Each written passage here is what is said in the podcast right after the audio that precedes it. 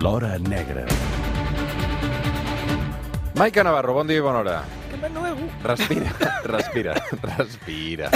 Hòstia, Ai, per mare favor. meva, Què ha passat, Maica? que et veig i ja m'ofego.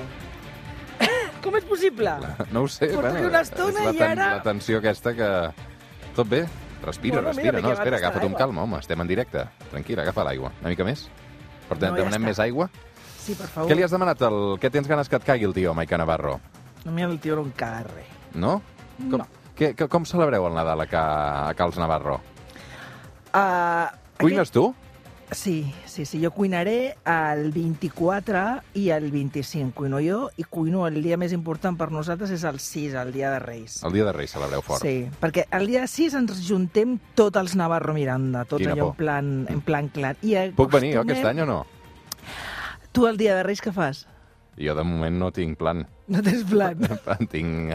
Vols que t'adopti la meva mare? Home, tinc moltes la, ganes de la, conèixer... La mare ja em pregunta, Tinc eh? moltes ganes de conèixer la La sogra. mare ja em pregunta. Ah, sí? Pregunta per mi? La tenim a preguntar. Ja tocaria, no? Escolta, amb aquell també l'has de fer canalons o què? Doncs mira, ja m'hauria encantat. Es diu Mari Carmen, no, també? Fins, Carmen, Carmen. fins que... Sense el Maria. Aquí hi ha un... Hi ha Carmen, ens veiem el un, dia hi ha 6. un fet, hi ha, hi ha un element Mhm. que quan tu... El dia que jo et porti una, una bandeja de canalons... Bandeja és? Sí, sí, una, plata. safata. Una safata. Una safata de canalons fets per la meva mare. Mm. Aquell dia mm, pensa que la cosa va... Aquell dia tocaré el cel. Sí, perquè una altra cosa que et pas no tocaràs. Bé, de fet, tu has vist que estem molt distanciats? Bueno, perquè és que hi ha massa tensió aquí. Es pot tallar amb un ganivet. Yo me considero un padre, pues bueno, que quiere a sus niños y que intento inculcarles unos valores que nunca nadie me, me los ha recriminado.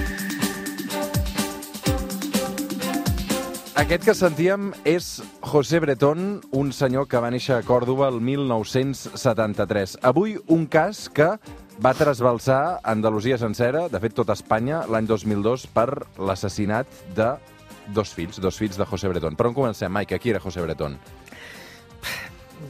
Després de saber tota la història, havia seguit amb molta intensitat història de José Bretón, t'explicaria que José Bretón era un desgraciat i, i de fet ho mantén. Era, era un desgraciat, eh, en fi, va, nascut a, a Còrdoba, amb una família de treballadors, al 73, va estudiar en una escola religiosa, va ser militar i va estar a infanteria. De fet, ell es mm, vanagloriava d'haver estat a Bòsnia amb, amb les amb missions, on, on explicava fins i tot que, que bueno, determinades experiències el va forçar a abandonar, abandonar l'exèrcit. Va tenir una nòvia que el va deixar i arran d'aquella nòvia que el va deixar es va intentar suïcidar a la finca, la malaurada finca de les Quesadilles, i després, bueno, el 2002 es va casar amb una veterinària, amb la, amb la Ruth Ortiz, amb la que va també de Còrdoba, i amb la que van tenir dos petits, la Ruth, que era la, la gran, i després va venir a, el José. Um, la Ruth tenia 6 anys i el seu germà petit, el José, en tenia 2 anys. Quan van José. morir? Quan van morir? Quan van ser assassinats, sí. quan van ser assassinats. Mm. Uh, la, en aquest cas, la dona del José no era feliç, no anava bé aquest matrimoni, i es va separar. No, no, feia temps que la cosa no, no, no funcionava i, i la Ruth molt, molt introvertida, molt apocada i, i sobretot pensant en aquella època, estem parlant del 2011, que, que ostres, que no tren... aquesta idea de no trencar la família, els nens, eh, la pena, la pena que t'arrossega, doncs en comptes de fer un cap pas en, al davant, que, que, que, que a vegades és més complicat del que sembla, anava aguantant, anava aguantant, ella no era feliç, eh, ell feia xantatge completament amb, amb els crius i era, al, fi, al final era una, patia un maltractament psicològic d'aquest home que, a més a més, d'aspecte era fins i tot eh, petit, amb una veu molt, molt aguda, molt, molt desagradable. El fet és que hi ha un moment en què ella acaba anant amb una psicòloga, l'ajuda, i amb el entorn més personal de la Ruth i d'aquesta ajuda de la psicòloga aconsegueix armar-se de valor i dir-li, escolta, tu, ens separem.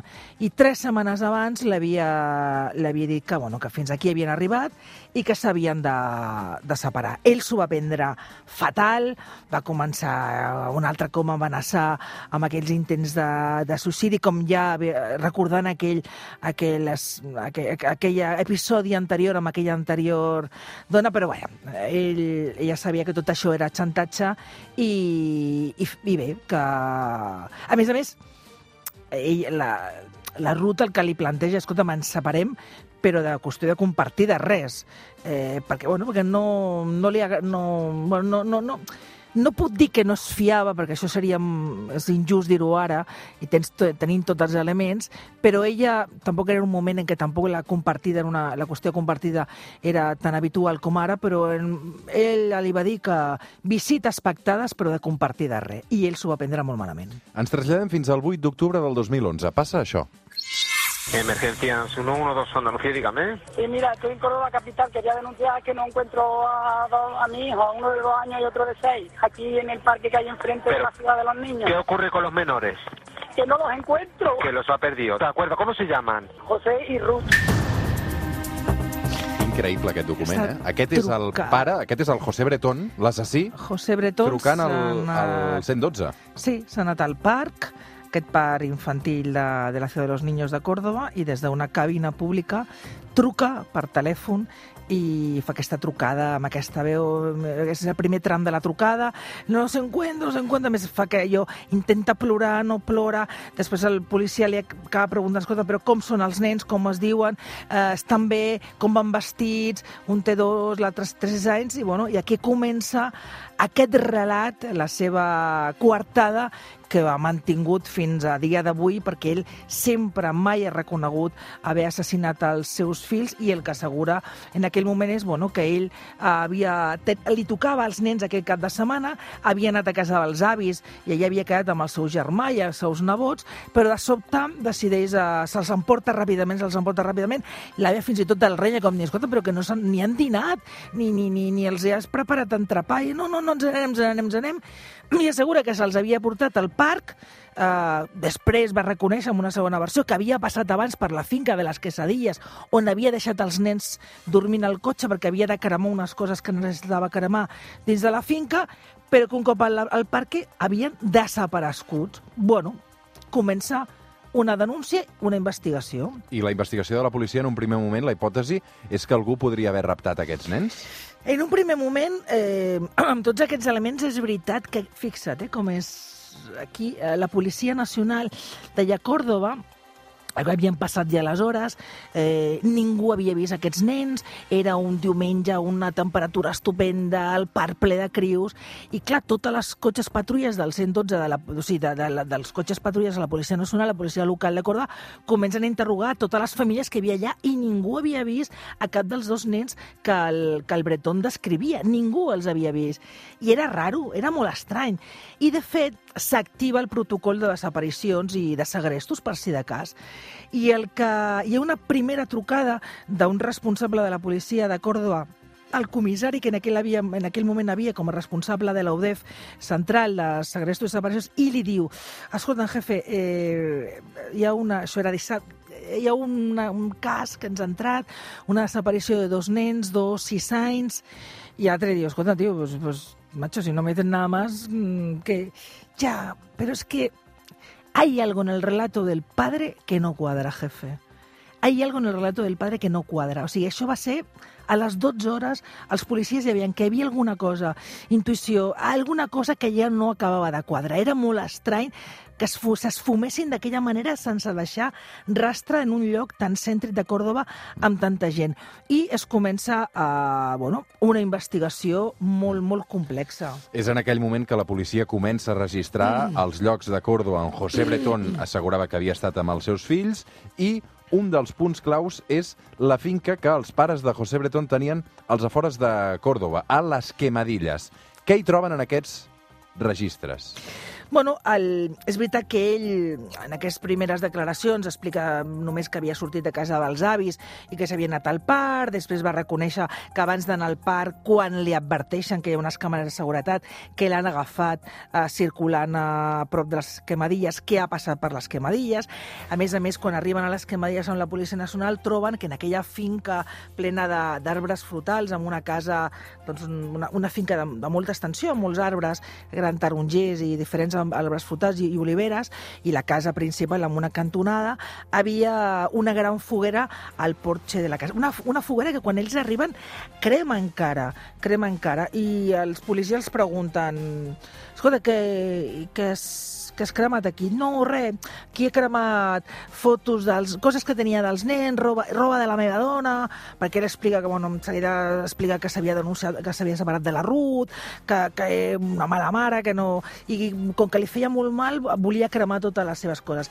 I en aquell moment, els policies, tot i que tot, allò està cremant encara, miren, eh, pensa que la foguera eh, havia estat, el foc havia estat, eh, havien, l'havia col·locat una, una, po, una, una taula de, de ferro a sobre, um, i allò va provocar que allò tingués un efecte de forn i que la temperatura eh, pugés més de 2.000 graus allà. A més a més, una foguera que ell va reconèixer que va estar 48 hores cremant i avivant el foc amb, amb benzina, sigui, i aleshores troben eh, ossos petits, però estem parlant de gairebé 200 ossos petits, alguns tan petits que eren més petits que la meva ungla.